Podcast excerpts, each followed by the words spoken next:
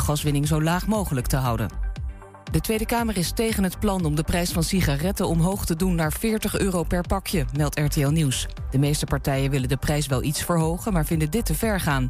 De VVD zegt dat het alleen maar onrust geeft en de SP vindt dat rokers geen melkkoe mogen worden. Er zijn waarschijnlijk nog veel meer kwetsbare groepen de dupe geworden van de corona-aanpak, zegt de Onderzoeksraad voor Veiligheid op basis van de reacties op hun eerste rapport. Daarin staat dat verpleeghuizen te weinig aandacht kregen. Maar dat geldt waarschijnlijk ook voor uitvaartcentra, gehandicaptenzorg en ambulances. Veel mensen hebben door corona gewacht met trouwen, maar dat wordt nu duidelijk ingehaald. Er zijn de eerste maanden van dit jaar veel meer huwelijken gesloten dan in dezelfde periode in de afgelopen tien jaar.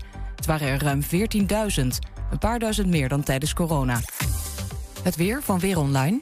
In het noordoosten en oosten kans op onweersbuien. Verder af en toe zon en het is rond 18 graden. Vanavond en vannacht droog, morgen veel zon en een graad of 20.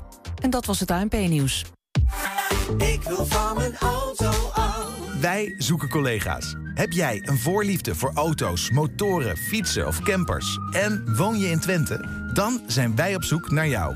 We zoeken mensen in sales, IT, van webdevelopers tot accountmanagers. Kijk voor alle functies op ikwilvanmijnautoaf.nl slash vacatures. Ik wil van mijn auto af.nl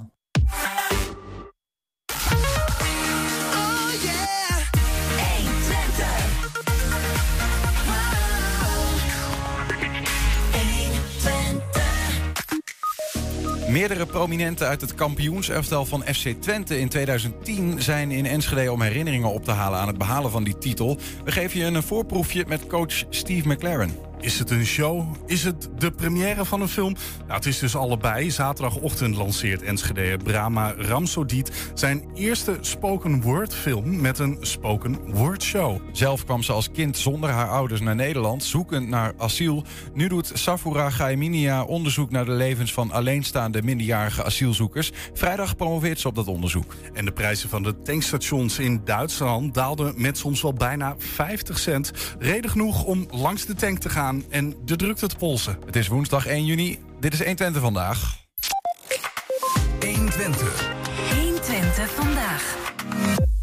Het is een trend die zich al jaren doorzet. Steeds meer amateurvoetballers kiezen ervoor om op zaterdag hun wedstrijden te spelen. Daardoor neemt de druk op sportaccommodaties toe en dreigt er ook een tekort aan speelvelden, terwijl ze er op zondag soms verlaten bij liggen. In Enschede wordt een oplossing gezocht in flexibele speelmomenten. En Henk Bolhaar, de Twentse afgevaardigde in de ledenraad van de KNVB, zit in eh, de onderzoeksgroep. Henk, welkom. Dankjewel.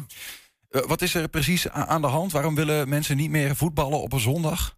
Je ziet het uh, steeds meer als de jeugd overgaat van, uh, de, van, de zaterdag, van, de, van de jeugd naar de senioren. Dat men ervoor blijft kiezen om op zaterdag te willen spelen. Ik denk dat het ook te maken heeft met uh, het uitgaan op zaterdagavond. Ja, ja, zondagochtend is niet zo fijn voetballen met een is vaak niet voetballen. Maar je ziet ook bij de prestatievoetballers...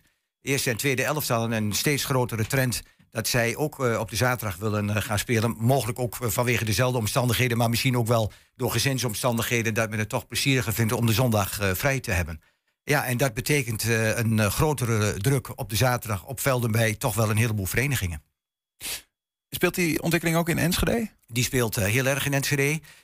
ik ben voor mijn eigen club ben ik gevraagd om daar eens naar te kijken. mijn club is Vogido. We hebben een grote club die heel veel elftal op zaterdag heeft. Bijvoorbeeld ook al twee dames senioren elftal op, op zaterdag. En ook vier mannen senioren op zaterdag, maar ook heel veel jeugd.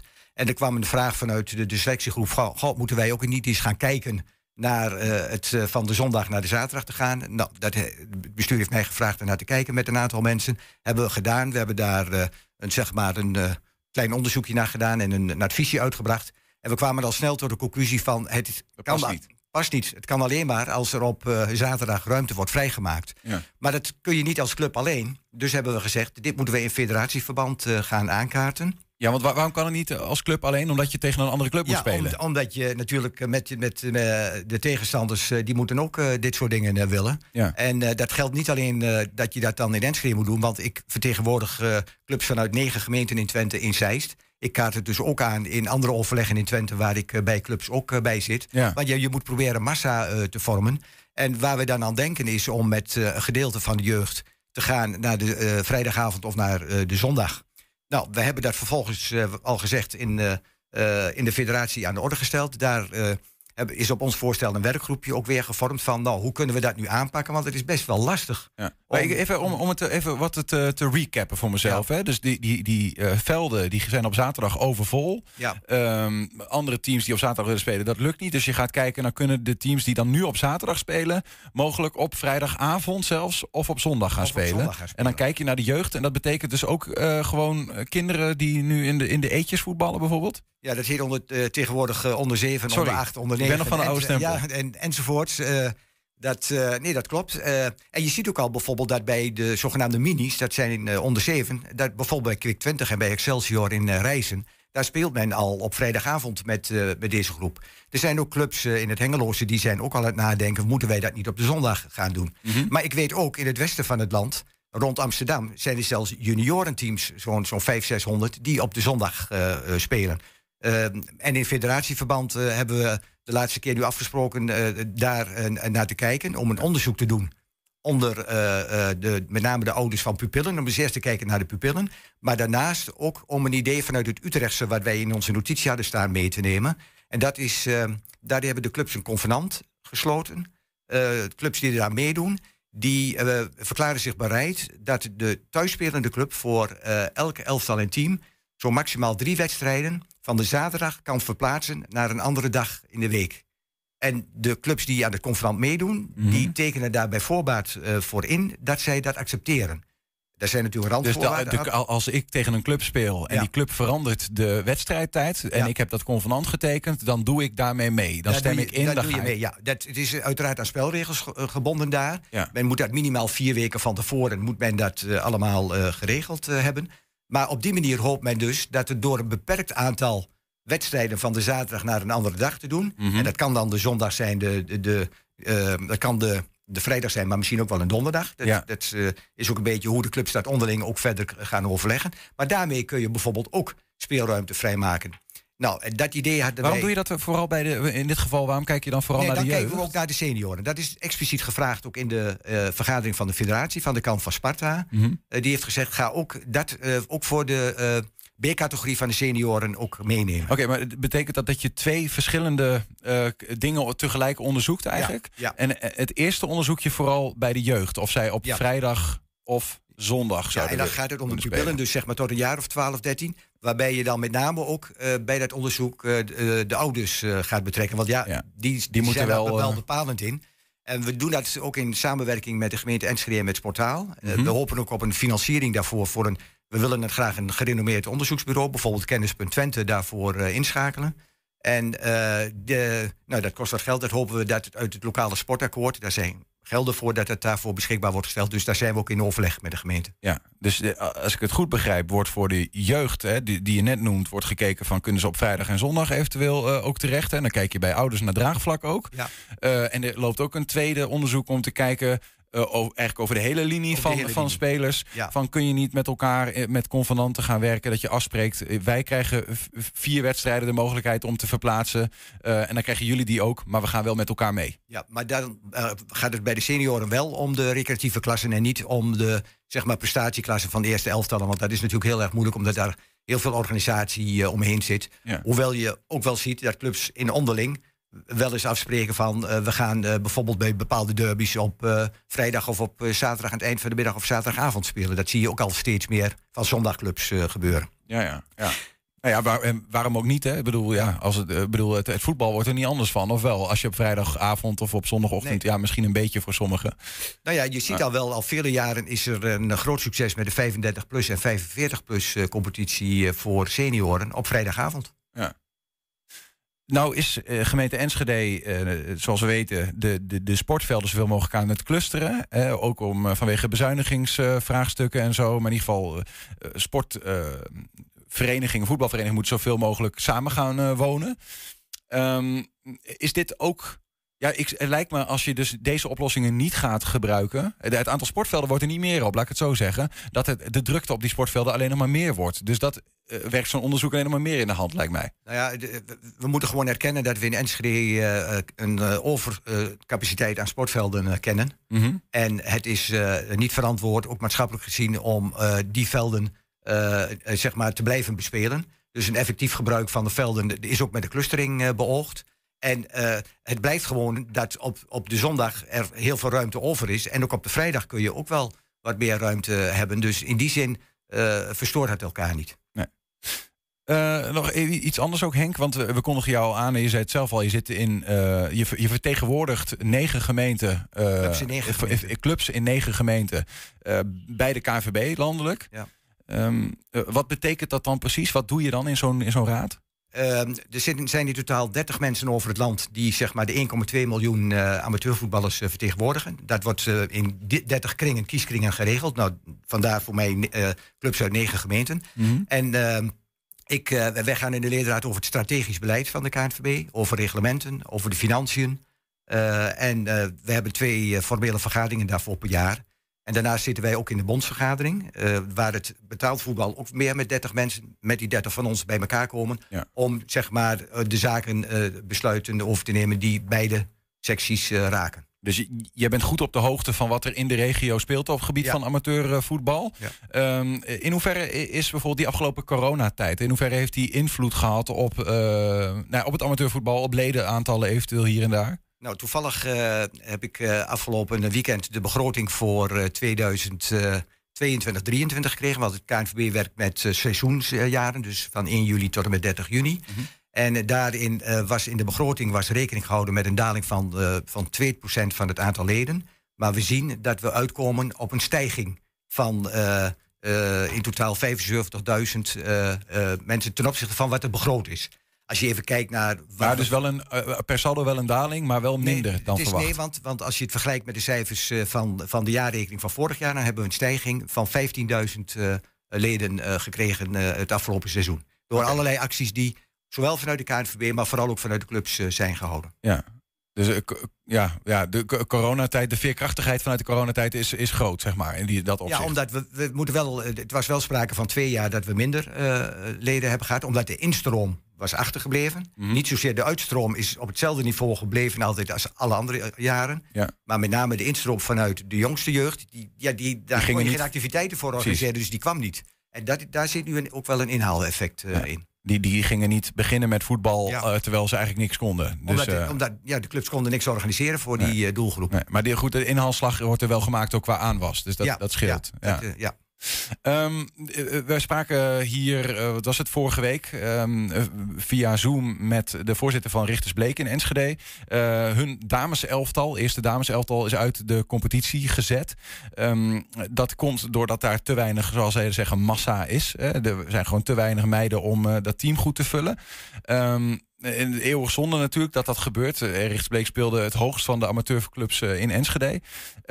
Is dat in de bredere linie iets wat je ziet bij dat damesvoetbal daar last van heeft, meer dan herenvoetbal? Eh, het is zo dat eh, het damesvoetbal eh, erg kwetsbaar is. En dat komt omdat het veel te versnipperd is. Ik heb al in de afgelopen jaren, in al die overleggen waar ik zit, al heel vaak de oproep gedaan. Ga als clubs samenwerkingsverbanden vormen op het gebied van dames en meisjes. Eh voorbeeld is bijvoorbeeld in Delden, waar twee eigenlijk rivaliserende clubs, Rood-Zwart en, en, en SV Delden, gezamenlijk een stichting hebben opgericht waar al het dames- en meisjesvoetbal in zit. Eh, dat geeft dat men in alle leeftijdscategorieën één of meer elftal of teams heeft. Ook bij de senioren. En dat ontbreekt er over het algemeen in Enschede aan. Als ik het even het beeld heb, dan is met name Avanti, Sparta en zijn degenen die redelijk wat elftallen en teams hebben. Die dus ook een continuïteit in het eh, dames- en meisjesvoetbal hebben. Maar bijvoorbeeld Richters Bleek Hm. heeft maar één eh dames eh, elftal en dan op niveau. En als er dan allerlei omstandigheden zijn waardoor mensen wegvallen... Ja. En dat was dit jaar niet alleen bij Richters Bleek, want ook Eilenmark, die een klasse lager speelt, heeft hetzelfde eh, gehad. Die heeft ook een paar weken daarvoor ook het elftal moeten terugtrekken. Door blessures, corona, doordat speelsters werk hebben gekregen, zwangerschappen, al dat soort dingen spelen mee. En dat is gewoon een enorme kwetsbaarheid. Als je dan maar één elftal hebt of een tweede elftal wat zo laag speelt dat je geen adequate vervanging hebt. Nou hoor ik wel, als je clubs bij elkaar, eh, bij elkaar gaat clusteren wat dat betreft qua damesvoetbal, hè, dan krijg je wat meer massa per club. Maar dan krijg je natuurlijk ook minder clubs die damesvoetbal spelen. Dus eh, moet je verder weg om tegen een g- gelijk eh, Nou, niveau te spelen. ik, ik heb daarbij verteld, je kunt dan, als je samenwerkt met twee of drie clubs, dan kun je dus de verdeling van de clubs over de velden, die kun je zeg maar heel goed met elkaar afspreken. Eh, dat, dus, eh, dat doen ze in Delden ook. eh, daar worden wedstrijden bij Rood-Zwart gespeeld van bepaalde teams. En andere teams spelen bij, bij Delden. Mhm. En, maar gezamenlijk, zeg maar bij de uitwedstrijden, speelt dat uiteraard niet. Maar juist, juist dat gezamenlijke, eh, de clubs die, die, die, eh, die pakken dit niet op. Nee, En- nee maar ik, ik, heb, ik heb het niet zozeer over, over de ruimte, het ruimtegebruik, maar meer eh, dat je als je als club gaat samenvoegen, ehm, dan heb je wel één goed team van spelers. Want hoe meer mensen, hoe beter je team wordt. Alleen ja, dan ehm, eh, tegen wie moet je dan nog spelen? Want je, hebt, je bent zojuist met je concurrent samengevoegd bijvoorbeeld. Nou, nou, dat hoeft niet altijd, omdat eh, eh, je dan elftallen kunt gaan indelen. Dus als je meerdere hebt op sterkte. Mhm. En die, die, die doen gewoon mee in de competitie en hier in de omgeving zijn voldoende tegenstanders om, eh, om tegen te spelen. Dat wel. Dan hoef je Dat niet wel. per se eh, dat je dan ja, eh, in één keer ve- veel verder weg moet. Het gebeurt nu ook al dat bepaalde teams zeg maar, ook richting het Zallandse moeten en een stukje meer in de achterhoek. Dat gebeurt nu ook al. Waarom gebeurt het niet eigenlijk dan, dat clusteren? Ja, Is dat een stukje prestige, zeg Nou, maar, eergevoel van de eigen club? Ja, de, de, de clubs die denken van oh, als we maar één meisjes- of vrouwenteam hebben, vinden ze leuk. En, maar ze denken niet aan de continuïteit dat ze heel erg kwetsbaar zijn. En men kijkt te veel naar de eigen situatie, maar men kan die eigen situatie ook houden. Zoals ik net zei, als je dat in samenwerking doet en dan tot een goede verdeling komt eh, van eh, na- naar venante inbreng. Want je blijft ook lid van de club waar je je hebt aangemeld in dat geval. Ja. Dus eh, ja, ik, ik doe nogmaals zo'n oproep, want Ja. Ik kan het niet vaak genoeg zeggen. Maar helaas. Maar daar eh, moet het bij blijven. Je kunt eigenlijk alleen maar een ik- oproep wij doen. kunnen en niet dwingen. De KNVB Nee. kan niet dwingen. Eh, eh, ik kan dit niet dwingen. Dit moet van de club zelf komen. Ik kan ze alleen maar daar heel nadrukkelijk op wijzen. Helder. Henk Bolhaar, dankjewel voor je uitleg. En nou ja, succes met de, de, de strijd om het amateurvoetbal in de regio... op zowel mannen- als vrouwen niveau eh, levend te houden. Dankjewel. Zometeen is het een show, is het de première van een film? Nee, het is allebei. Zaterdagochtend lanceert Brahma Ramsodiet zijn eerste spoken word film met een spoken word show. En zijn ook als podcast te luisteren. Je vindt ons op alle bekende platforms. Ehm, twee dingen, twee kanalen. 120 Vandaag en 120 Vandaag uitgelicht. 120 vandaag. In Duitsland zijn vandaag de accijnsen op brandstof verlaagd. Bij onze oosterburen geldt nu het laagste accijnsniveau dat toegestaan is in de Europese Unie. Op een liter benzine kan het prijsverschil met Nederland oplopen tot wel 50 cent per liter. Voor veel Nederlanders een reden om de grens over te steken. En het zorgde vanochtend meteen voor lange rijen bij de Duitse pomp. Het is vandaag 1 juni en dat betekent dat de prijzen van de benzine in Duitsland omlaag zijn gegaan. Met wel 50 hele eurocenten. Maar ja, dan vraag ik mij dus af of het dus druk is bij de Duitse pomp. En dat gaan wij nu checken, want ja, ik moet eigenlijk ook gewoon tanken. Nou, rij ons even mee.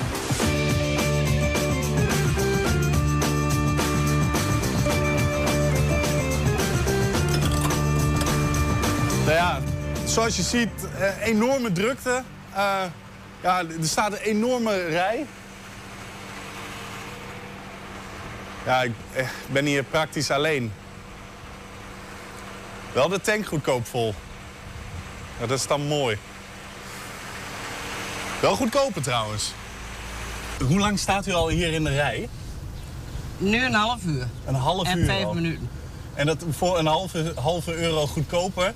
Ja. En u heeft niet naar andere eh, dorpen ook nog gekeken of daar Nee, nee, nee, nee. Nee. Ik denk altijd hier. Oké, dus het is echt hier ook aan gebonden. Ja. Want eh, bent u hiervoor? Ging u ook hier altijd naartoe? Altijd. Dus, en toen was het 20 cent goedkoper, nu nog meer. Is gekke werk vandaag. Ja, ja, ja, ja, ja. ja. Ik hoop dat ik het nog haal. We staan hier namelijk met een eh, ondernemer hier. En die kan eigenlijk al helemaal geen mensen meer in zijn winkel ontvangen. Jij, jij werkt hier. Is krank heute, ne? Ja, totales Chaos. Aber eigentlich hatten wir das schon ein halbes Jahr hier, das Chaos. Ja, Jetzt war es ja ein paar Monate gut, da die Preise natürlich angeglichen waren. ja. Äh, war für uns nicht gut, weil wir natürlich auch teuer Benzin kaufen müssen. Aber Ja. das ist für uns eine Katastrophe. Wieder Ja. mal. Ja, So, äh, es ist 50 Cent äh, äh, billiger heute. ist das so. 50 Äh, Cent. aber das sind nur Holländer hier. Ja. Keine Deutsche ist in, hier in, die, in, die, in den Stau, was hier sind. Äh, wo, wo sind alle Deutsche?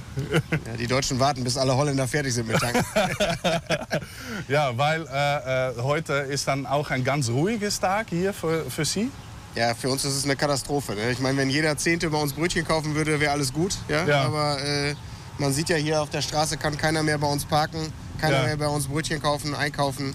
Also die Katastrophe ist äh, ja, vorprogrammiert. Ja. Die Straße ist einfach zu eng dafür, dass hier Leute stehen können und äh, Ja. zum Tanken anstellen. Ne? Hoe lang staan jullie al in de rij? Nou, misschien eh, meer dan een half uur, drie kwartier. Meer dan een half uur. Ja, ja. En het staat hier tot de rotonde nog helemaal stil. Jullie moeten denk ik nog 20 minuutjes. Ja, ja, eigenlijk ja. En jullie doen het allemaal omdat het zo goedkoop is? Ja, tuurlijk. In, in andere Plätzen hier ist das ganz ruhig. Wir waren mal im Gras. Es sind keine, keine Stau, äh, nicht um die Ecke und bis, äh, äh, bis der Ende der Straße. Äh, weißen die Holländer gar nicht, dass er äh, andere Tankstellen sind oder sind sie nur hier im Gronau? Ja, anscheinend, ich habe immer das Gefühl, alle tanken nur hier.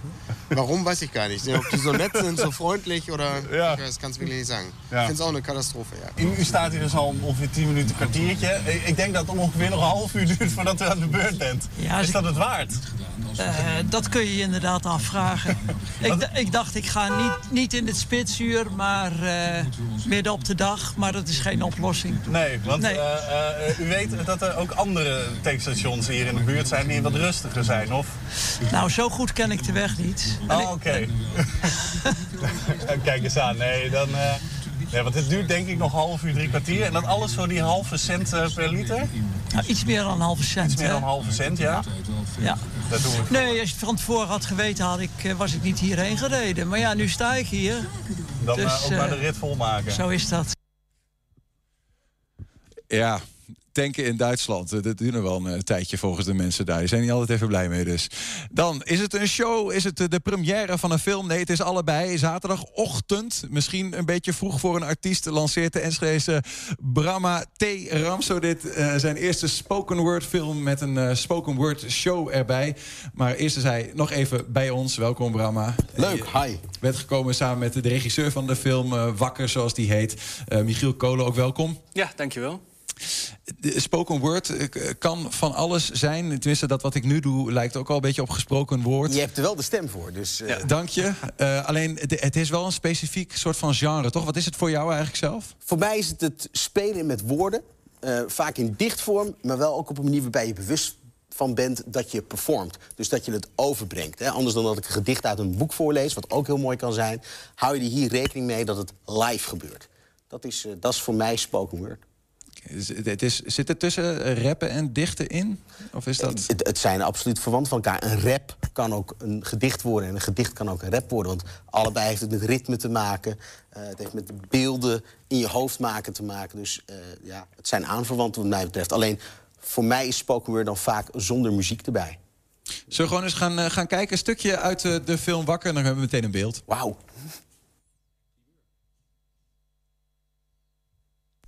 Ik voel me lichter worden, helder van geest. Ik ben nu meer mezelf dan ik ooit ben geweest.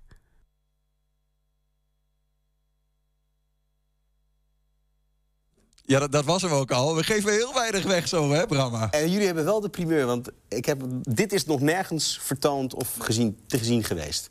Dus eh, ja, dit is inderdaad een klein stukje van een film van anderhalve minuut. Maar, maar eh, van, van hoe lang, sorry? Anderhalf minuut. De film is anderhalf minuut? Short, short movie. Oké, oké, oké. Ik had iets gehoord van 40 minuten, maar dat klopt dus niet. Nee, dat is ook de verwarring die er misschien ontstaat. De show duurt 40 minuten. En de film, wat eigenlijk eh, misschien wel het hoogtepunt van de show is... of waar alles in samenkomt, eh, die we samen hebben gemaakt...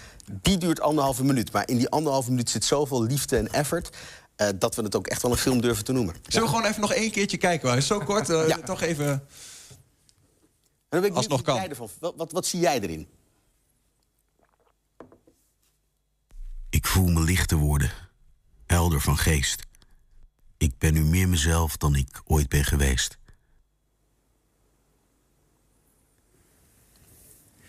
Wat haal jij hieruit? Wat haal ik hier uit, joh? Ik, ik, eh, ik voel me lichter worden. Eh, helder van geest. Ik ben nu meer mezelf dan ik ooit ben geweest. Ja, ik, ik, ik voel in ieder geval iemand die eh, soort van alles van zich af laat glijden. En, eh, en, en, en zijn pure zelf eh, op voelt komen. Wat zie ik in beeld? Ik zie jou op een, volgens mij op een bed zitten. Ja, ik zou niet zeggen na een nacht uitgaan, want volgens mij voel je je dan vooral heel zwaar. Ehm, Ja, dat, dat, meer kan ik er nu nog niet over zeggen. Nee, ja, maar we- dat is het mooie kunst, hè? dat is multi-interpretabel. Dus kan van ieder iets anders betekenen. Maar dit zit wel op ja, waar de film dan naartoe gaat. Op het laatst, als je dat ziet, zie je nog een auto wegrijden. En dat verklapt misschien al iets meer van wat er gaat gebeuren. Oké, oké. Maar eh, voordat we naar Michiel gaan, wat ehm, moet die film wat jou betreft vertellen? Wat, wat is het? Voor mij, dat is ook de samenwerking Michiel... dat je spoken word ook op een filmische manier kunt aanpakken. Dat, dat is zeg maar even de vorm. Inhoudelijk gaat het voor mij over jezelf vinden en de liefde vinden... en daarmee eigenlijk tot besef komen eh, nou, wat je wil. Ja, je, je wil mensen daar, met het publiek, eventueel daar ook mee helpen? Hoe- Oh, nee, nee, nee. Want ik, ik, heb, ik heb volgens mij geen kruisje hier staan. Of vertel je gewoon je eigen verhaal? Nou, dat is een mooi brugje. Het verhaal van een ander kan ook jouw verhaal zijn. Dat is de rode draad in de show. En dus ook in deze film. Eh, ik heb hem ooit geschreven voor een bruidspaar. Ik ben trouwambtenaar. Maar nadat we hem hadden geschreven... ehm, kwamen we er met elkaar achter... ja, maar dit kan ook voor een ander mooi zijn. En je kun je ook iets uithalen. Juist. En wat je er dan uithaalt, is aan jou. Ja.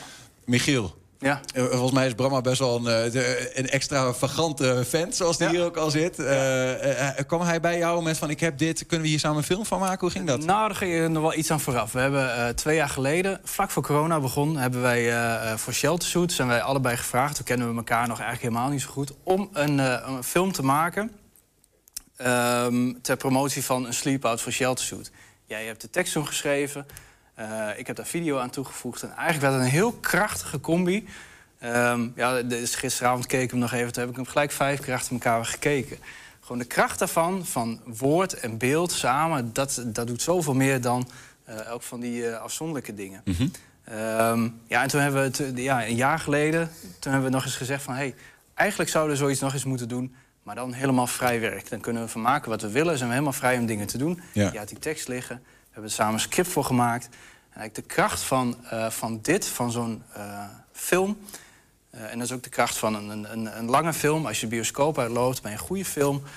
daar hou je iets aan over, daar ga je over nadenken. Dat, dat doet iets met je. En dat proberen we natuurlijk hier ook mee te doen. Ja, de, de, de woorden nog meer kracht geven door het beeld erbij Ja, te voegen. ja. Die film waar je het over hebt, die jullie hebben gemaakt voor Shelter Suits destijds, geeft misschien dus wel een beetje een beeld van hoe jullie, als jullie samen optrekken, nog meer dan die paar seconden die we net zagen, hoe jullie ongeveer werken.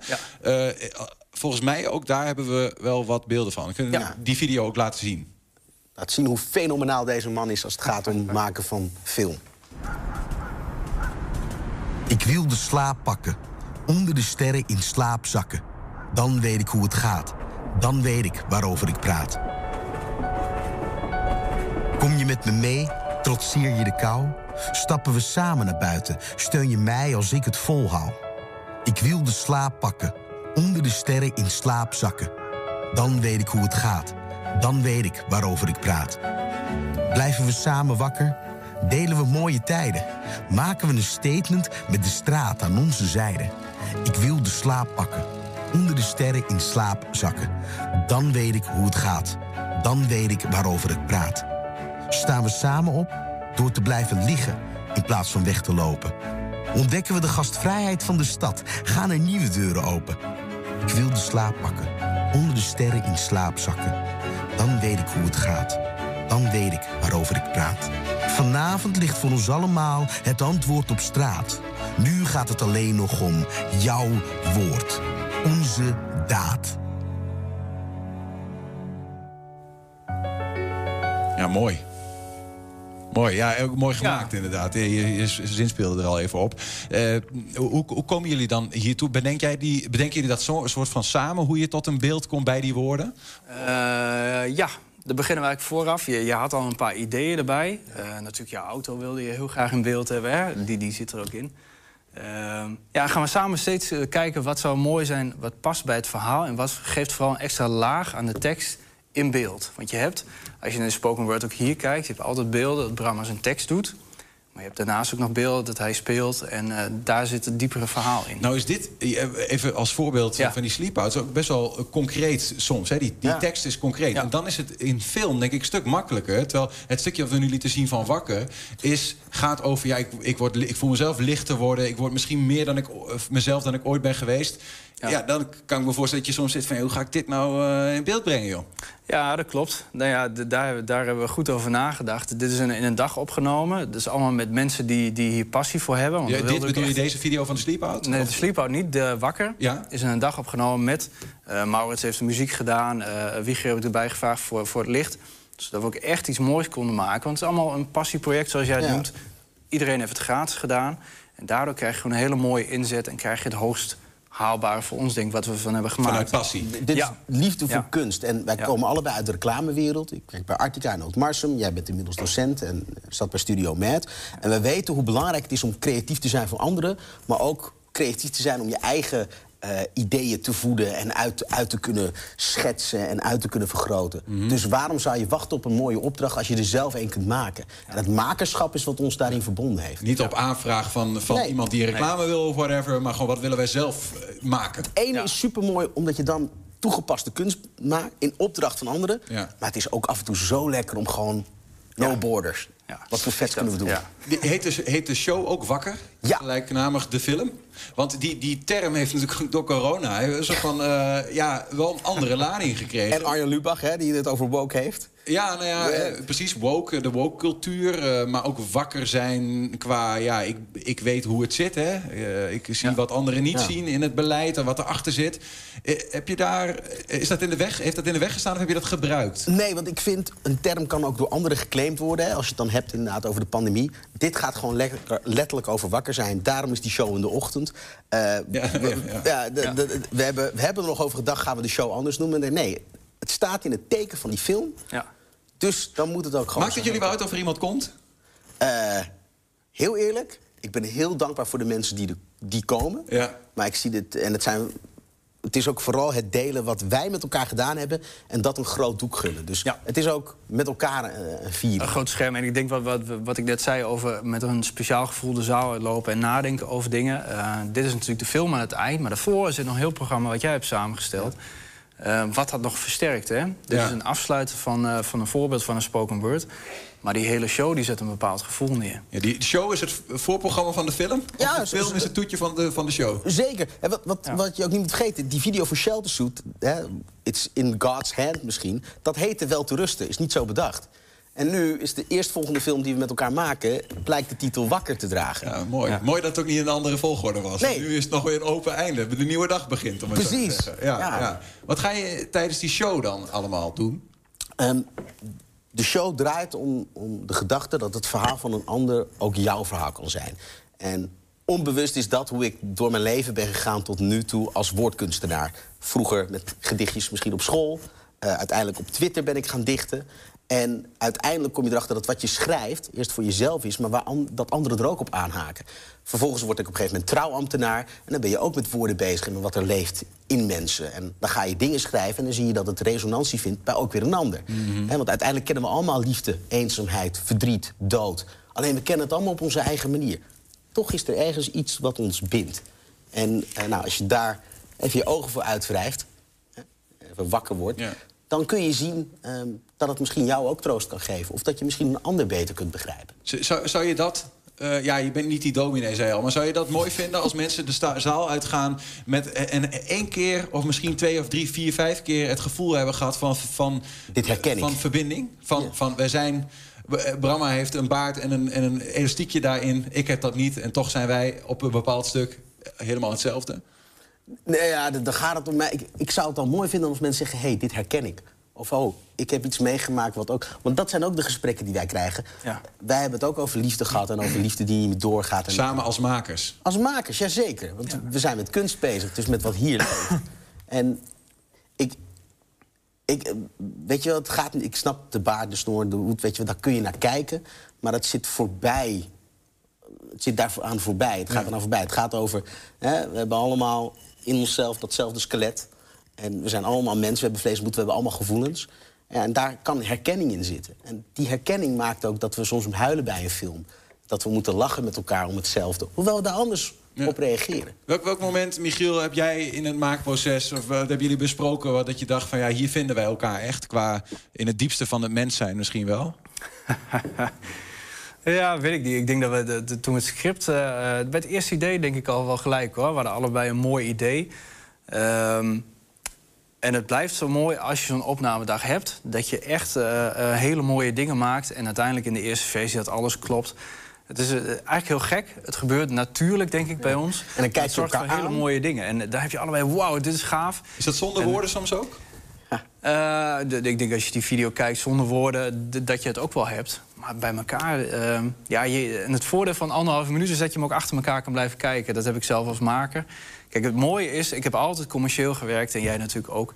Dit is, eh, ehm, ik geef dan drie jaar les bij Creative Business. En dat betekent dat ik eigenlijk niet meer aan de maakkant zit. En daarom is dit eh, heel mooi om te doen. Ehm, echt iets maken uit je passie, echt eh, ja, kunstzinnig. Ja. Iets wat je, wat je echt zelf wil maken. En dat doen we met z'n tweeën. En eigenlijk weet je, eh, heb je allebei dezelfde visie. Ik lever een eerste versie op en jij schiet precies op de goede dingen die nog anders moeten. En uiteindelijk heb je iets heel moois waar je super blij mee bent. En voor jou lag het volgens mij eh, toen de eerste versie muziekdruk onder zat. Ja, daar, Dat jij eh, zegt van wauw, dit is, eh, dit is heel mooi. We zaten in de studio bij Maurits, die de audioscore heeft gedaan. En, en dat was een van de momenten dat ik dacht... Holy fuck, dit voelt, als, dit voelt Netflix-serie-achtig... terwijl het maar een film van anderhalve minuut is. En toch even terug. Ik weet nog wel, tijdens de opname dat we af en toe elkaar aankijken. En kijk, zijn skill is de zijne. Dus ik zie niet alles wat hij ziet. Maar dan kijken we elkaar aan en, dan zie ik aan hem van... ja, we hebben het shot. Dan denk ik, oh, vet. Want ondertussen probeer ik... eh, nou, ben ik aan het acteren, ben ik aan het spelen. En check ik, hey, is dit wat... Weet je wel, hebben we wat we bes- voorbesproken hebben? Ga je daar iets aan voor terug... Ik contacteerde hem op een gegeven moment. Ik zeg, ja man, ik heb hier iets liggen. Ik heb het idee dat we dit moeten verfilmen. Dit en dit is het idee. Het is een beetje Beauty and the Beast, maar op een eigen manier. En toen zei hij, ik heb van de week net bedacht... dat ik eigenlijk wel weer zin heb om wat te maken. En ik spreek Maurits, die ik tegenkom... terwijl ik met mijn klassieke bands aan het sturen ben.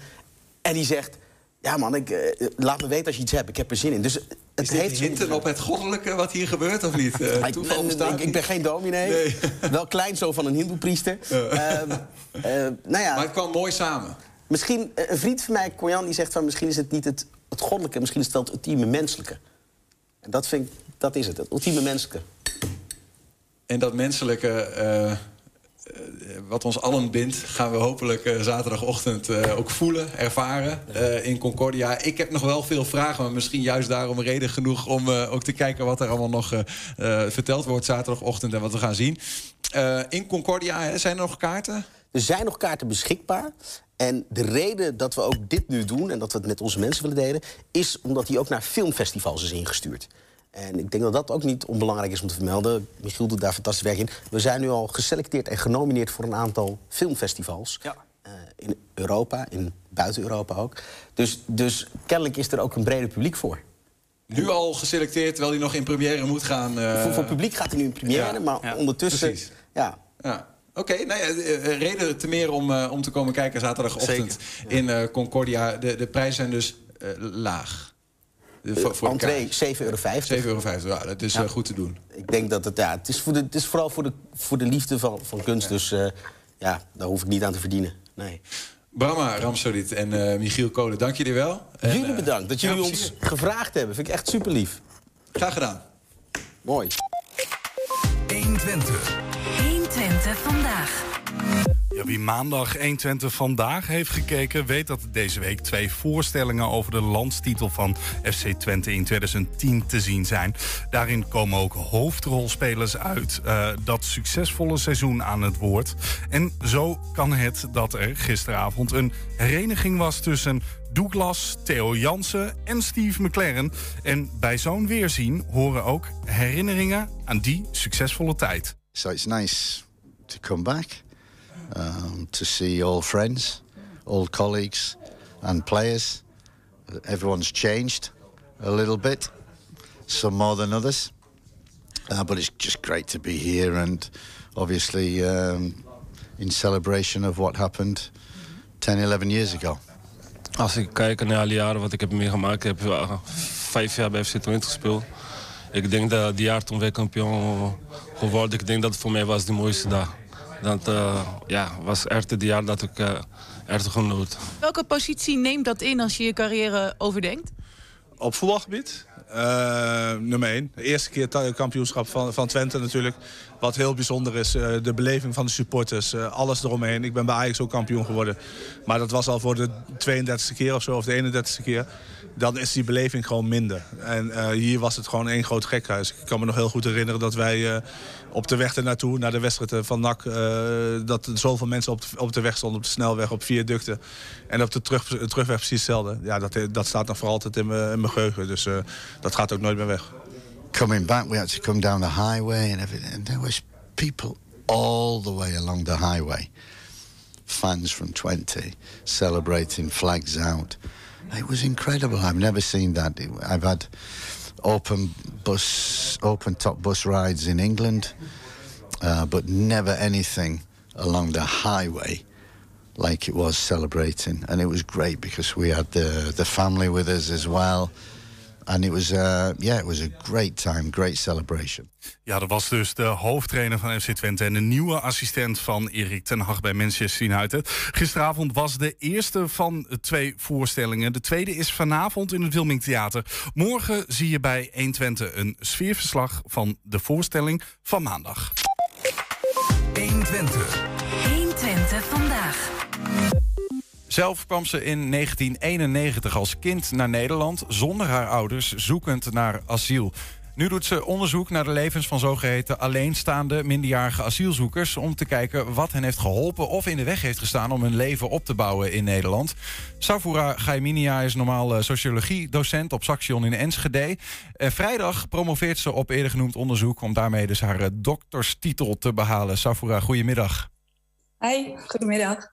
Vrijdag, spannend. Ben je er klaar voor? Ja, nou, bijna. Ik hoop het. Zeker spannend. Ja, even docent sociologie op Saxion. Uh, Zo'n uh, promotieonderzoek. Doe je dat allemaal naast elkaar gewoon? Uh, ja, ik heb een uh, tijd uh, lang wat tijd ervoor gekregen, maar ik heb altijd blijven lesgeven. En de laatste jaren het in mijn eigen tijd afgerond. Ja. ja. dus het verrijkt elkaar ook wel hoor. Maar binnen de vier jaar die nou normaal ongeveer wordt, wordt gegeven, of is dat wat meer geworden?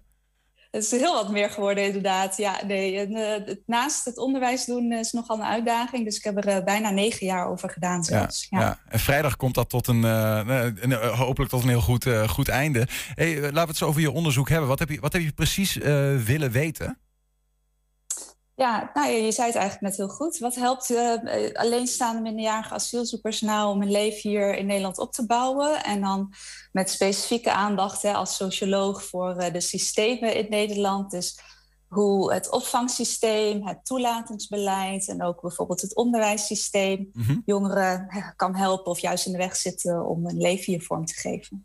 En als we het hebben over uh, alleenstaande minderjarige asielzoekers, hè, de zogenaamde AMA's. Uh, wat zijn dat voor mensen? Ja, misschien zegt het op zichzelf al, maar waar, waar, moet ik aan denken? Waar komen ze vandaan en hoe komen ze hier naartoe? Ja, ja dus misschien even voor de luisteraars. Het zijn dus mensen die als kind naar Nederland zijn gekomen zonder hun ouders en hier asiel hebben aangevraagd. En dat is uit heel veel ja, verschillende landen wel. Uh, meeste zijn wel uh, wat uh, ouder, in de zin van 15, 16, 17 uh, jaar. Mm -hmm. Dus nou, ouder, het zijn natuurlijk nog steeds kinderen. En waar je aan moet denken, ja, het zijn hele verschillende verhalen. Maar bijvoorbeeld, er breekt een oorlog ergens uit en jongens zijn bang om in het leger te moeten. En die worden dan, die gaan weg of familie verzamelt geld, zodat ze ook daadwerkelijk kunnen gaan vluchten. Ja. Uh, of uh, vader is uh, politiek actief en wordt vervolgd. En de angst is dat de zoon of dochter daardoor ook zou worden vervolgd. En ehm, ja. Dan, dan worden die, dus worden die kinderen soms ja, met, met, met een knap zakje op pad gestuurd richting een ander, ander land. Ja, ja. ja. en uh, nou ja, Europa heeft de grenzen nogal uh, dicht uh, gemaakt. Dus het zijn vaak de laatste jaren hele gevaarlijke reizen om hier naartoe te komen. Mm -hmm. En ook vrij prijzig. Dus vandaar ook dat sommige ouders ervoor kiezen om hun kind eerst te laten gaan. Waarom heb je uh, specifiek dit uh, onderzocht? Hè? Dus van hoe, hoe komt zo'n minderjarige alleenstaande asielzoeker in Nederland aan? Hoe wordt hij opgevangen en wat zijn de drempels en de hulp die hij ervaart, het leven in Nederland? Waarom heb je dat willen onderzoeken? Um, nou, ik ben zelf als alleenstaande minderjarige asielzoeker naar Nederland gekomen, samen met mijn broer en zus, die toen ook kind waren. En um, in 2001 is het beleid, het toelatingsbeleid voor eh, deze groep heel erg uh, verscherpt. En dat betekent dat vooral jongeren die 15 jaar of uh, ouder zijn en die niet in aanmerking komen voor een verblijfsvergunning asiel, dat die na hun 18 in Nederland moeten verblijven. En dat krijgen ze dan dus ook al die tijd te horen. Je mag hier nog Verlaten. even zijn, want. Ver- ver- je zei verblijven verlaten, dat ze na hun 18e Nederland moeten verlaten, toch? Oh, sorry. Ja, Ja. verlaten. Ah, ja, zeker. ja. Dus ze mogen tot hun achttiende verblijven. Want eh, ja, als er geen opvang is in het land van herkomst... mag Nederland geen minderjarigen terugsturen. Maar ze krijgen dan al die tijd te horen, je moet eh, terug. En eh, ik was natuurlijk heel jong, dus ik, voor mij, ik heb het op een andere manier beleefd ook. Ik denk dat leeftijd ook veel uitmaakt. Dat je bijvoorbeeld makkelijk in groep drie begon ik en je gaat zo, je doet zo met alles mee. Ja, want jij was zeven jaar. Sorry? Jij was zelf zeven. Ja. Ja, ja. ja. dus Ja, jij kon nog dus makkelijk inblenden, zeg maar. Ja, precies. Dat maakt het een stuk makkelijker, denk ik. Ehm, en mijn gedachte was toen wel van... ik heb me nooit druk gemaakt over het feit of ik hier mocht blijven. En ik dacht wel, oh, wat als ik nou tien jaar later was gekomen? Dus in 2001, op 17-jarige leeftijd. Wat als je niet wordt erkend als vluchteling? Dan eh, betekent Nederland ineens... eh, ja, dan zie je ineens een hele andere kant van Nederland... dan dat ik heb gezien. Ja. Dus daar kwam mijn interesse vandaan. Ja, en je hebt dus ook specifiek, dat is goed om te noemen, heb je de leeftijdsgroep eh, van, van 15 tot 18, zeg maar. Dus minderjarig, maar wel vanaf 15 jaar heb je onderzocht. Ja, ja. En misschien is wel nog specifiek mensen die dus op hun 15e, 16e of 17e naar Nederland zijn gekomen. Maar ik heb mensen geïnterviewd die al minstens 10 jaar in Nederland verbleven. Dus om te kijken van hè, wat helpt ze op de langere termijn om hun leven hier op te bouwen. En als je dan negen jaar bezig bent, moet ik me dan voorstellen dat je honderden mensen interviewt? Of hoe gaat dat? Nee, zeker niet. Nee. Eh, het is een, groep wat eh, best lastig eh, te vinden is. Hè. Je kunt niet bij een school aankloppen of wat dan ook. Of op LinkedIn intikken? Ja, nee. Ja, precies. En niemand heeft op Facebook staan... ik ben ooit als AMA naar Nederland gekomen. Nee. Met althans weinig mensen. Dus het was een enorme zoektocht om mensen te vinden. En ik heb uiteindelijk 19 mensen gesproken. En omdat ik echt diepte-interviews heb gehouden... over een hele levensloop... kun je daar eh, toch uit die 19 verhalen... al wel bepaalde patronen ontdekken. Oké. Nee, nou zei je al, jij kwam eh, als zevenjarige in een ander tijdperk... waarop de regels ook in 1991 minder streng waren dan in 2001.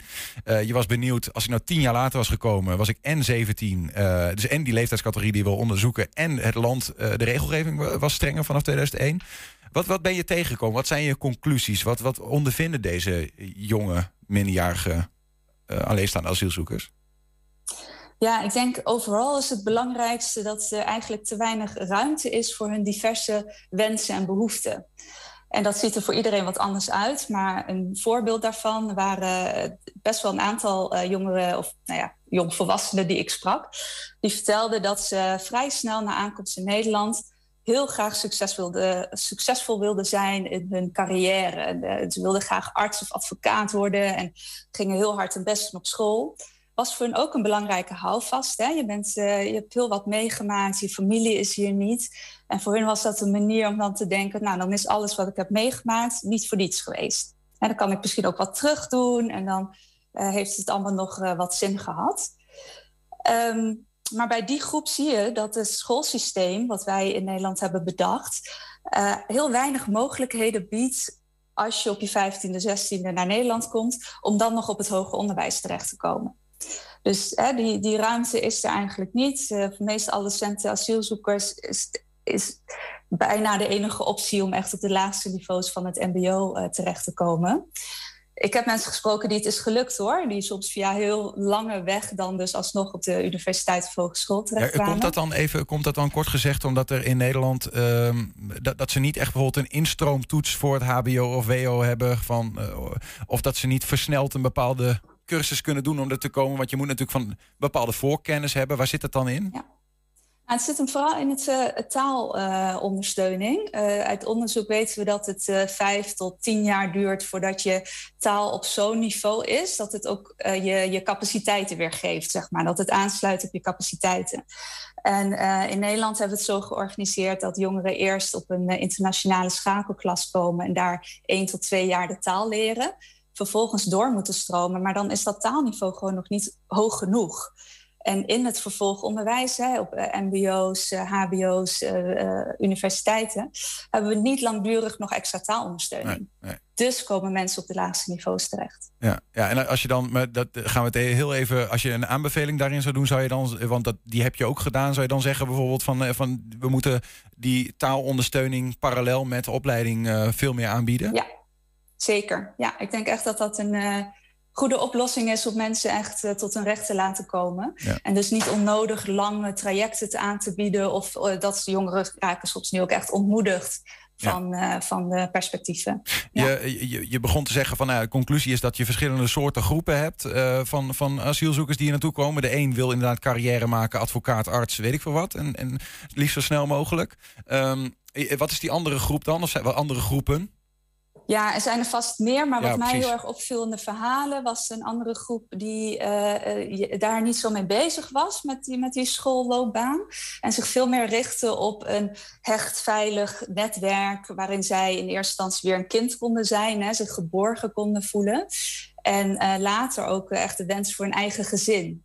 En ook daarin zie je weer van, nou, ik heb, ik heb mijn eigen familie hier niet, maar dat is wel een manier om me toch nog geborgen en verbonden te voelen. En voor deze groep, ook wel voor de anderen trouwens, is het eh, bijvoorbeeld heel belemmerend dat jongeren tot hun achttiende worden opgevangen en ondersteuning eh, krijgen, maar vanaf hun achttiende zelfstandig horen te zijn. Dus dan moeten ze zelfstandig eh, gaan wonen, krijgen ze geen bescherming daarin meer. En moeten ze eigenlijk dus ook op alle gebieden ineens zelfstandig zijn. Hè? Dus als, als een andere jongere vanuit zijn gezin op 18 op kamers gaat, dan is er vaak nog echt wel wat ondersteuning. Ja, maar dat ouders op geldt dus voor deze groep niet. Nee. En, en eh, is dat dan, dat is ook belemmerend voor de mate waarin ze zich weer dat, eh, ja, toch een beetje dat kind kunnen, in zichzelf kunnen bewaren en, en dus ook sociale binding met anderen kunnen aangaan? Ja, precies, zeker. Ja, en toevallig heeft vorige week heeft de kinderombudsman, de nationale ombudsman, daar ook een, rapport over uitgegeven. Waarin ze ook zeggen van, ja, vooral als je 16, 17 bent, je komt in een nieuw land en je hebt een klein sociaal netwerk. Dus je kent de regels niet en je hebt een klein sociaal netwerk. Dan is echt die extra ondersteuning nodig in financiën, in eh, je weg leren kennen hier. Eh, dan is de 18 jaar echt nog veel te jong en te kort. Ja. Doe je daar dan ook hele specifieke aanbevelingen eh, voor in je onderzoek? Hoe dat dan Ja. vormgegeven zou moeten worden? Ja, volgens mij dus eh, in ieder geval dat de verlengde opvang en begeleiding eh, mogelijk zou moeten zijn. Eh, en ook dat dat maatwerk zou moeten zijn. Dus hè, sommige jongeren hebben misschien behoefte om echt op die opvang nog te blijven, tot 21, misschien wel 23 jaar. Andere mensen hebben genoeg om af en toe eens terug te komen voor wat advies. Dus dat dat echt maatwerk kan worden. Ja. Nou ja, dat is denk ik een belangrijke. En het laatste, of ja, misschien wel het allerbelangrijkste wat ik heb gevonden, dat geldt voor alle groepen, is dat jongeren die 18 worden en eh, dan dus te horen krijgen dat ze terug moeten, of eigenlijk al die tijd hebben gehoord, je moet op je 18e terug, maar als het dan zover is, leven zij dus een periode zonder eh, verblijfsvergunning in Nederland. Zijn ze ofwel een asielprocedure nog gestart, of ze verblijven dus onrechtmatig in Nederland. Nou, en dat is echt heel schadelijk eh, voor jongeren.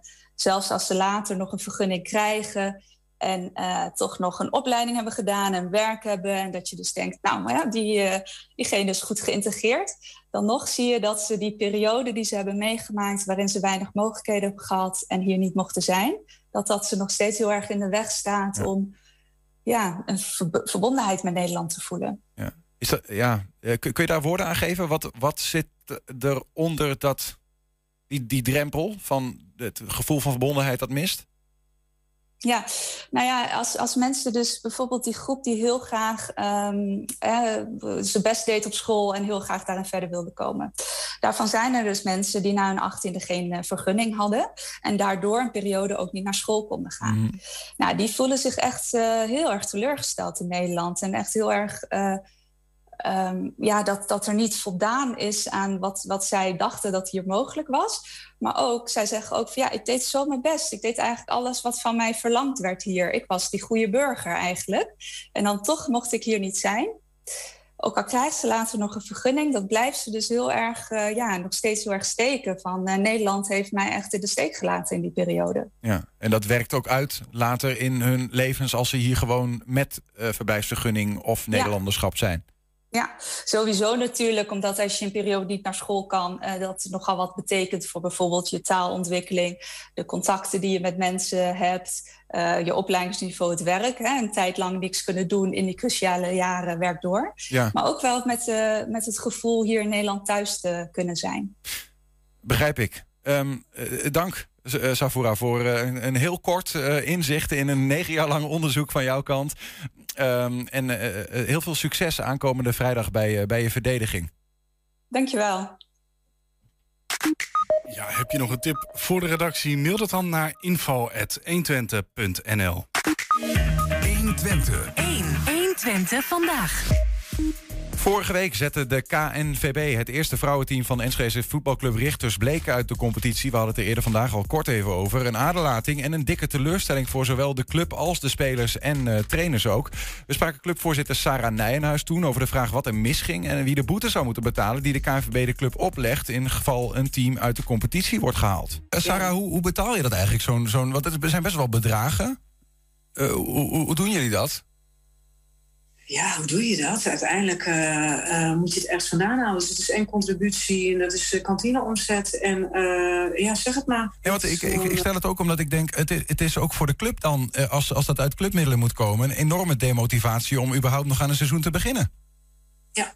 Nee, dus dat, weet je, dus dat is dan ook wel een, een, een zorg. Kijk, heel simpel gezegd, als je op een bepaald niveau voetbalt, um, wat heel gaaf is, een club moet altijd bijleggen. Dus dat, dat ik bedoel, iemand betaalt contributie, maar voor het jaarbedrag wat je, wat je krijgt, kan je niet dat doen wat wij doen. En het faciliteren van uh, uh, trainers die je moet betalen, noem het maar op. Dus alles wat er extra bij komt, ja, dat betekent een tandje erbij aan de andere kant. En uh, daar moeten we met z'n allen dus uiteindelijk heel hard voor werken. Dus ja. dat maakt het ook wel extra zuur. Ja. En Kijk, we hebben een systeem met rode en gele kaarten, omdat daar zit gewoon iets heel uh, dwars en naast achter. Dus als je een rode kaart krijgt, zitten ook boetes aan verbonden. Mm-hmm. Dan betaal je die zelf. Of als team moet je daar iets in, uh, in betekenen. Maar ja, uh, dit soort bedragen, dat is uiteindelijk een, een, heel lastig verhaal. En ja. Dat kun je ook bijna niet verhalen, lijkt me op. Als die meiden die zijn max 21. dat lijkt me, ja, sowieso, wat kunnen zij eraan doen? De, ja, denk ik toch? Ja, nou ja, dat is ook het, uh, de, het uitgangspunt. Ja. En je kan allerlei dingen gaan verhalen op elkaar. Maar ja, dat is hetzelfde als af van een kale kip, kip kun je niet plukken. Of ja, wie zijn schuld is het? Ja, dan zit je in die discussie. En daar moet je uiteindelijk ook ver van weg blijven. De tik zou uh, gezamenlijk uh, geïncasseerd moeten worden. Zo uh, hoorden wij daaruit. Maar in de voorbije week bleek dat de spelers toch die boete van de KVB zelf moeten gaan betalen. Sterker nog, ze kunnen zich niet bij een andere club inschrijven voordat dat is gedaan. collega Ernst Bergboer die sprak daar eerder vandaag over met Sarah Nijenhuis. toch even vragen van, huh, wij hebben uit het eerdere gesprek iets anders begrepen. Nou ja, hoe, hoe zit het precies? Ernst, welkom. Hi, dank je. Um, ja, hoe zit het, hoe zit het eigenlijk precies? Want ja, dit, dit gesprek lijkt toch dat ze zegt, ja, die spelers, ja, hè, we moeten dat met elkaar dragen. Zo voelden wij dat. En nu krijgen de spelers eigenlijk de rekening gepresenteerd. In, in ieder geval die, die boete van de KNVB, want dat blijkt, dat, dat bevestigde de voorzitter ook wel. Die is uh, inderdaad nu verdeeld over de spelers van het team. En de trainers doen daar ook in mee. Die hebben gezegd, we zijn solidair met dat team, dus wij betalen dat deel van die boete ook. Maar er zijn een aantal, een aantal spelers die zeggen van ja, maar dat vinden we uh, niet fair. Vinden we niet eerlijk. Wij kunnen hier niks aan doen. Um, en, en, en ja, er zijn ook wel ouders die zeggen van ja, wij gaan die boete niet betalen. Dat doen we niet. Okay. Um, nee, want even, als, als, als ik een boete krijg, uh, dan verwacht ik dat mij iets wordt uh, verweten. Dan heb ik iets verkeerd gedaan. Ja, dat, dat is precies een klein beetje waar het over gaat. Uh, in het interview, het fragment dat je net ehm, liet horen spreekt uh, de voorzitter ook over die rode gele kaartenregeling. Dat is een statutair vastgelegd ding. Dat hebben ze zich deze week gerealiseerd. En de, uh, de panelen verschuiven, zeggen ze wel eens. Het is een, een, lopende trein, dus dan verandert er wat. Zeg maar dat, we, die regeling hebben we. Namelijk als jij individueel verwijtbaar een rode kaart of een gele kaart krijgt... dan betaal je die zelf of het team betaalt dat. Maar in ieder geval niet de club. Um, en eigenlijk analoog aan die regeling hebben ze gezegd... ja, dit is voor het eerst dat we dit bij de hakken hebben en zoiets. Een team dat uit de competitie wordt gehaald... waar we een boete voor krijgen. En analoog aan, aan die redenering uh, slaan we dit ook over naar die spelers. Waarop mijn vraag ook was van ja, maar... Uh, een rode, gele kaart, dat kan je een speler verwijten. Hè. Je hebt je misdragen in het veld, krijg je een kaart voor. Um, betekent dat, dat dat, dat jullie dus het team iets verwijten? Nou, dat betekent het inderdaad. Het bestuur verwijt het, het team het een en ander. Eh, wat precies, daar wilde de voorzitter uit, en dat snap ik ook wel, privacy-oogpunt niet per se op ingaan. Dat was een interne aangelegenheid. Maar er wordt het team iets verweten als collectief. En om die reden eh, heeft het bestuur zich nu op het standpunt gesteld dat ook die spelers eh, dus die boete moeten betalen van de KNVB. Dat is 114 pop en nog een klein beetje Per persoon. per persoon. En daar komt bij, zei de voorzitter, dat is de tweede reden. Ja, wij zijn een vrijwilligersclub en, en onze inkomsten komen uit donaties van leden.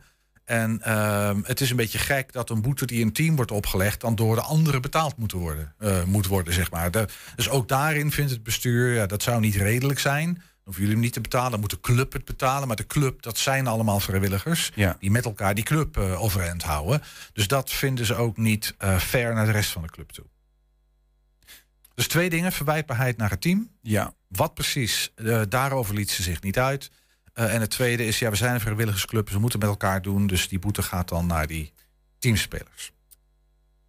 In het gesprek wat we daar hadden, ehm, eh, wa- was eigenlijk de, de tendens. eh, het komt doordat wij een gebrek aan massa van spelers binnen de club hebben. Kortom, er zijn te weinig meiden. En dat speelt al langere tijd eh, dat dat zo is. En dat is lastig. En nou ja, als het op een gegeven moment, de trainer, die heeft, heb ik ook zelf al hierover gesproken. Die zei: ja, als ik met negen meiden aan het, aan het, of negen vrouwen aan het spel moet beginnen, ga ik niet doen. Dus dan trek ik de stekker eruit. Eh, eh, nou ja, we weten dus niet wat die meiden verweten wordt. We- wat ik vraag me dan een beetje af, ja, wat, kan, wat zou een individuele speler daar dan aan kunnen doen? Eh, weet je, weten we iets van de spelers? Weten zij wat hen verweten wordt? Nee, niet helder in ieder geval. Ik heb er, eh, ik moet zeggen, we, dit, we vandaag eh, heb ik Sarah Nijhuis gesproken, hè, de voorzitter hierover. En eh, nee, de, spelers weten niet precies eh, wat hen verweten wordt. Ze kunnen wel een slag ernaar slaan. Namelijk, ja, ze, de- er waren wel wat spelers die niet altijd kwamen opdagen. Het team was soms niet compleet. Ehm, en ik vroeg, ik, ik heb een van de spelers daarover gesproken. Zei, joh, maar is, is, daar een soort formeel gesprek geweest? Of heb je een brief gehad waarin stond... ja jongens, luister eens, dit kan zo niet langer, want... eh, nee, ze zegt, we hebben wel gesprekken gehad met de trainers. Ehm, die hebben wel aangegeven en eigenlijk de keus voorgelegd... willen jullie door of wil je niet door? Waarop de spelers eigenlijk hebben gezegd... ja, eigenlijk willen we niet door, want het is gewoon... wij trekken dit niet meer. Eh, de basis is te smal. Eh, en toen kwam het antwoord van het bestuur: ja, het spijt ons zeer, maar jullie moeten door. Eh, nou, toen hebben ze nog twee weken doorgespeeld, eh, totdat de KNVB de stekker eruit trok en zei van, nou ja, einde verhaal. Ehm, maar die spelers hebben dus niet een soort formeel, of, een, of ook, niet in de aankondiging van die 114 euro die ze moeten betalen. Daar staat, ja, jullie weten dat je die moet betalen, maar er staat geen reden waarom. En, waarom en, en wat hen dan precies als team verweten wordt. En voor zover ik begreep, zijn daar in ieder geval met de spelers ook nooit gesprekken over gevoerd. Formele gesprekken, bijvoorbeeld vanuit het bestuur.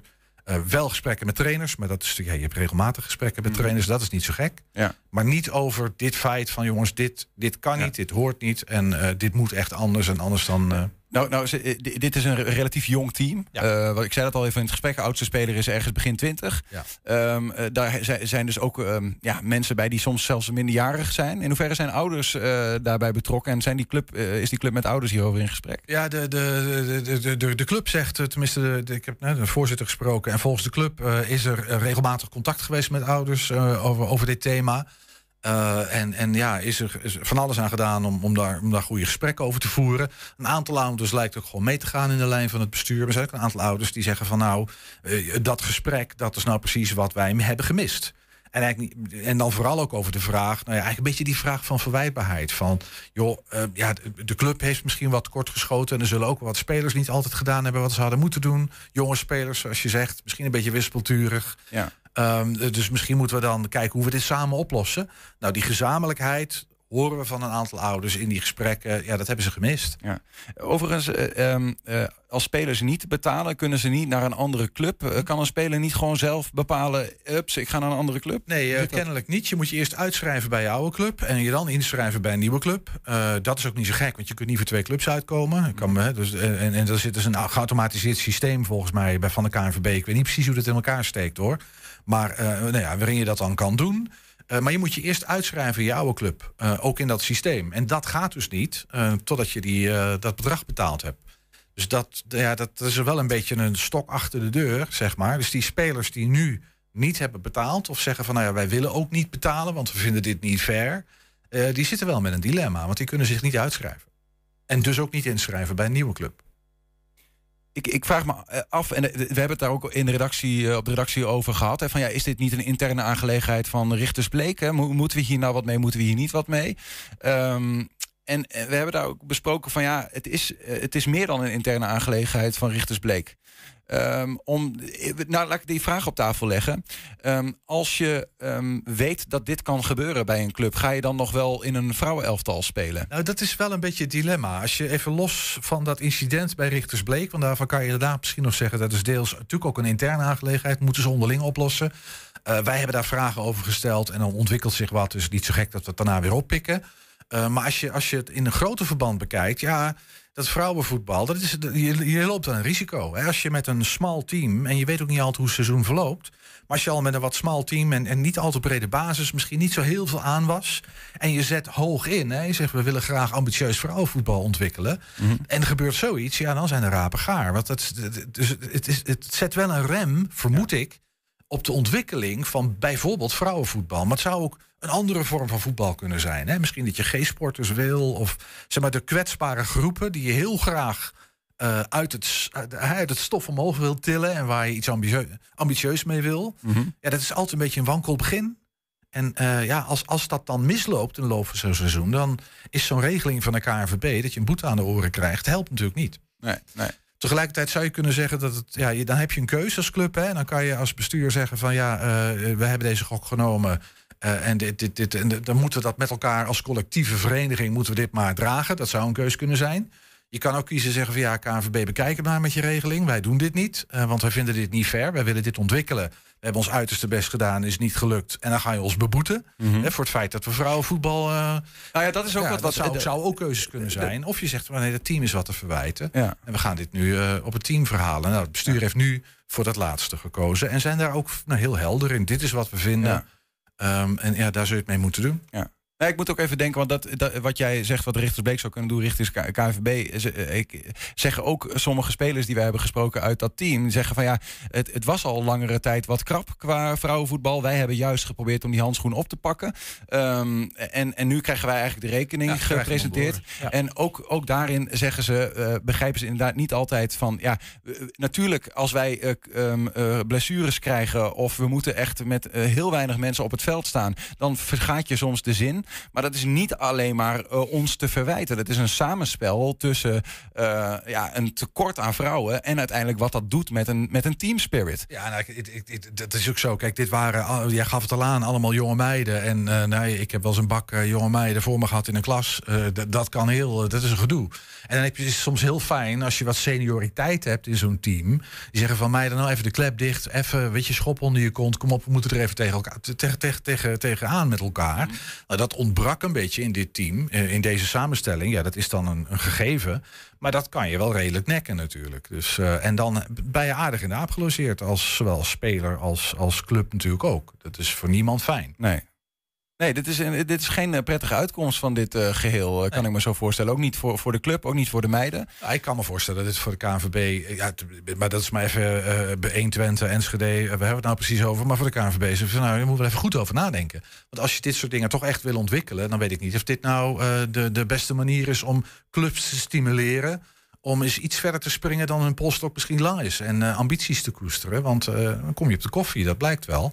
En in dit geval speelt dat dan ook nog vervelend uit naar zo'n team. En, en ja, hoop, mag je hopen dat zowel die spelers als ook Richters Bleek zelf in de toekomst daar niet te veel last van gaat krijgen. Maar eh, wel vervelend. Dankjewel, Ernst, voor eh, nou, de opheldering. eh, voor, zover we dat kunnen doen eh, in de gesprekken die we hebben gehad eh, van deze zaak. Eh, we blijven het volgen. Ja, tot zover 120 vandaag. Terugkijken, dat kan direct via 120.nl. En vanavond om 8 en 10 op televisie te zien. Zometeen kun je hier op de radio genieten van Henk Ketting met zijn kettingreactie. Veel plezier en tot morgen. 120. Weet wat er speelt in Twente. Met nu het nieuws van 5 uur. Goedemiddag, ik ben René Postma. Politievakbond ACP heeft nieuwe meldingen van grensoverschrijdend gedrag door voorzitter Gerrit van der Kamp gekregen, meldt NRC. Ook andere bestuursleden zouden zich er schuldig aan hebben gemaakt. Er zijn al eens eerder meldingen over de voorzitter gedaan, maar een onderzoek pleitte hem toen vrij.